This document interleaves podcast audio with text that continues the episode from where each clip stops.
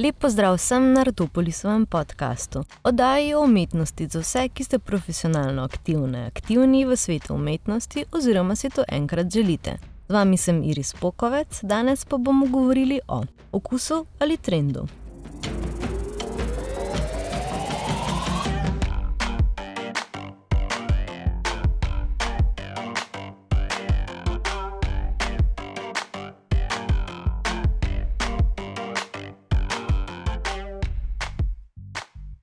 Iskanju razlike. Glede na to, da imam ambicijo razpravljati tudi o všečnosti, moram zagotovo vsaj del posvetiti okusu. Okus navadno preprosto razložimo tako, da povemo, da je to tisto, kar v nas odloča oziroma določa, ali nam je kaj všeč ali ne. Zanima me, ali imamo ljudje zares lasten okus za reči ali ga le povzamemo iz kolektivne zavesti o trenutnih trendih. Če tako, kdo jih določa? Zakaj nam tako hitro ali slej kot prej postane všeč to, kar je trenutno modno. Sužni trenda. O hlačah na zvonec, hlačah na korenčeh in hlačah na tri četrt, o ombreju, trendih in sužnjem lasništvu. Če tudi smo se zgražali nad hlačami na zvonec na starih fotografijah iz 60-ih let prejšnjega stoletja, so se te vrnile v letu 2000 in bila sanja vsake mlade deklice, ki je želela biti podobna Britney Spears ali Paris Hilton. Potem so ti časi minili, trend se je spremenil in ponovno so se vrnile hlače na korenček. In vse smo se križali nad tem, kako smo kadarkoli lahko prostovoljno oblekle hlače na zvonec. Sedaj smo v poletju 2017 in hlače na zvonec imajo svojo veliko vrnitev, tokrat celo spojene v pravo spako, ki je bila lahko spočetala v peklu s hlačami na tri četrt. In najhuje je, sploh ne izgledajo slabo. Mislim, da jih bom šla kupiti še ta teden. Kako se je to lahko zgodilo, ali še bolje, kako se to lahko dogaja? Kako se lahko nekaj, o čemer imaš res močno prepričanje, spremeni s prvim močnejšim vetrom? Je moj okus potem takem sploh bil, kdaj zares moj? Ker verjamem, oziroma sem verjela, da je vendarle vsaj nekaj moje estetike moje, in se nisem mogla sprijazniti, da bi lahko bila nasprotnica glede česar koli, če tudi le modnih trendov, sem začela razmišljati, zakaj je temu tako. Slovar slovenskega knjižnega jezika opredeljuje trend kot značilnost pojava glede na spreminjanje v daljšem časovnem obdobju. Sama pa sem se skušala domisliti najbolj vplivnega trenda zadnjih nekaj let, da bi ob njegovem primeru raziskala njegov pomen in vpliv. Odločila sem se, da bom za primer vzela ombre. Beseda ombre je francoska in pomeni senčenje. Čeprav izraz ombre zgodovinsko sega v zgodno 19. stoletje kot tehnika barvanja in tiskanja tekstila s temu posebej namenjenimi mavčnimi bloki, ga poznamo predvsem kot tehniko barvanja oziroma svetljenje las, ki je začela postajati popularna okoli leta 2000, pri tej pa se lasje od korenin do konic postopoma prelivajo v vedno svetlejši odtenek. Trend je bilo pozneje možno opaziti na praktično vsemu, kar je bilo možno pobarvati in prodati. Potiskih oblačil, hrani, avtih, nohtih, vseh možnih modnih dodatkih, od ovitko za telefone, peresnic in vse do slik.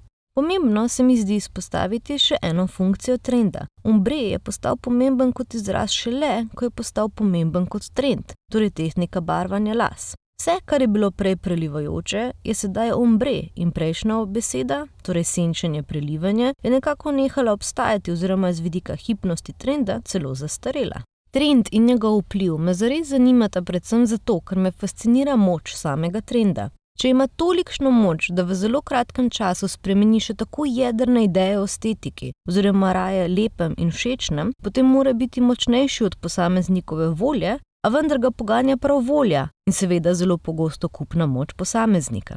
Seveda razumem, da živimo v družbi družbenih omrežij, ki so navadno poligoni za ustvarjanje ideologij in želja, mislim pa, da je cela družba bolj kot kadarkoli poprej usmerjena v grajenje samih sebe in doseganje lastnih ciljev. Kot družba smo prišli do točke svobodne odločitve, ko si lahko sami izberemo, kaj bomo počeli in sledimo lastnim ambicijam, vendar smo še vedno sužni in hlapci. Razliko vidim v tem, da je sužen vedel, da je sužen. Današnji čas posebuje tako dobro izvedenih iluzij, kamuflaž in ostalih metod, s katerimi prepričamo človeka, da je njegova odločitev zares njegova in svobodna, čeprav je v resnici vnaprej predvidena za vsaj nekaj potez, na podlagi česar pa se še vedno dobro vidi in lahko sklepa, da smo še manj svobodni kot kadarkoli prej. Prav tako je odnegdaj hlapec vedel, komu služi in sužen, kdo si ga lasti, Danes pa pravzaprav tega ne vemo. Hkrati smo si sužni in lastniki, ujeti smo v začaran krok proizvajanja potreb in njihovega zadovoljevanja.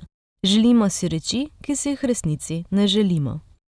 O okusu v umetnosti ali o okusu za umetnost.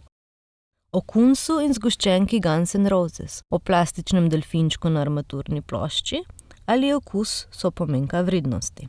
Temo odlično opiše Hans Abing v knjigi Why Are Artists Poor, v kateri predstavi zanimivo vprašanje o okusu na primeri prijatelja Aleksa, ki je tudi sam umetnik in je bil postavljen v vlogo čuvaja razstave, na kateri so bila tudi njegova dela. Šlo je za manjšo, sklepano amatersko razstavo različnih stilov portretov. Tako je lahko opazoval obnašanje obiskovalcev. Na napisano velja, da dlje kot bo obiskovalec razstave postal pred določenim delom, bolj všeč mu bo. Ko se je Aleks kasneje soočil z gledalci in jih povprašal glede del, je opazil nekaj zanimivega. Gledalci, ki niso imeli umetniške izobrazbe, so se ob vprašanju po njihovem mnenju o določenih delih začeli precej hitro opravičevati, čez da oni sicer niso podkovani v tem, ampak po njihovem okusu so se jim zdela določena dela boljša od drugih. Druga skupina umetniško izobraženih obiskovalcev pa je precej hitro razsodila, da so neka dela umetnost in druga ne. Tukaj ni bilo nobenega vprašanja o okusu, niti nobenega opravičevanja, temveč je bila informacija preprosto podana kot dejstvo. Takšni gledalci umetnosti se namreč zelo hitro znajdejo na točki, kjer jih načeloma niti ne zanima, kaj v rečeh pravi stroka, se temeljijo na svojem okusu. Abing nam ponudi še en primer okusa za umetnost. Primer je postavljen v preference njegovega založnika in tiskarja knjige. Avtor opazi, da tiskar knjige s svojim družbenim ozadjem iz delovskega razreda kupuje zgoščenke Guns N' Roses, stripe in male kipce plastičnih delfinov, ki jih postavi na armaturno ploščo. Te reči zanj predstavljajo umetnost. Založnik knjige, ki je že zaradi narave svojega dela in izobrazbe postavljen više na družbeni lestvici, pa kupuje zgoščenke Paganinija in hodi v muzeje moderne in sodobne umetnosti gledati dela Lichtensteina in Kunsa. To je njegova umetnost. Njun okus je različen, saj prihajata iz različnih okolij, kjer prevladuje tak ali drugačen vidik in način konzumiranja umetnosti. Avtor nadaljuje, da tisto, kar je zanimivo, je to, da založnik in tiskar poznata umetniške izbire drug drugega. Vendar oba sodita o okusu drugega, vendar pa je založnik precej odločen v tem, da sta njegov okus in izbira precej bolj umetniška in gleda na tiskarjevo izbiro zviška z besedami. To pa že ni umetnost. Tiskar pa mu odgovarja, da seveda je klasična glasba, kamor sodi Paganini prava umetnost in Guns N' Roses niso. In najbrž bi moral vedeti več o stvarih v galerijah, v muzejih, vendar veste, to preprosto ni za ljudi, kot sem jaz. To nas privede do zaključka, da se predstavniki družbenih slojev zavedajo o izbirah drug drugega in da je visoka umetnost enaka za, v tem primeru, založnika in tiskarja, Razlika je le v tem, da se ena skupina sploh ne privede do točke, kjer bi imela interes vedeti kaj več o njej in se raje odloči za preprostejše izbire. Zadeva, ki pa razliko med všeč in ne všeč, med dobrim in slabim, med umetnostjo in neumetnostjo dodatno zakomplicira in naredi praktično nemogočo za postavitev kakršnih koli meril in dogem, je dejstvo, da kolikor učeni in razgledani smo v umetnosti, vedno pristanemo na točki, ko pridemo do vprašanja okusa. V prejšnjem primeru je bila zadeva v resnici sila preprosta, saj smo na eni strani imeli delavca s preprostim okusom in intelektualca z naučenim enciklopedičnim okusom za umetnost. Vprašanje se zaplete, ko si za primer postavim dva strokovno podkovana likovna teoretika, ki lahko še prihajata iz enakih okolij, pa ima še vedno ne bodo všeč ista umetniška dela. Če grem s primerom še malo dlje, sploh ni nujno, da se bo ta strinjala o tem, kaj je dobro in kaj je slabo. Če pomislimo, da bi bile vsem umetnikom všeč iste stvari, bi si ustvarjali enaka dela. Ali če grem še naprej, če tudi bi jim bile všeč iste reči, bi bila vendar njihova dela in realizacija drugačna. Neizogibno je torej, da si vsi ustvarimo osebno afiniteto znotraj orjaškega polja umetnosti in naredimo selekcijo na podlagi interesov in lastnega dela. Avantgarde 20. stoletja so se trudile dekonstruirati domet in čar okusa, vendar je njihov učinek ostal prisoten znotraj strokovnega polja, vsekakor pa ni uspel poseči izven njega.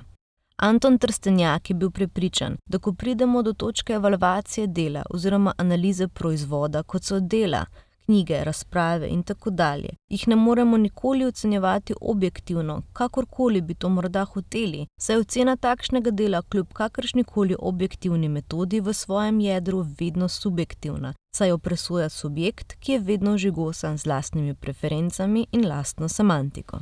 Hvala za poslušanje, z vami sem bila Iris Pokovec in se slišimo prihodnjič.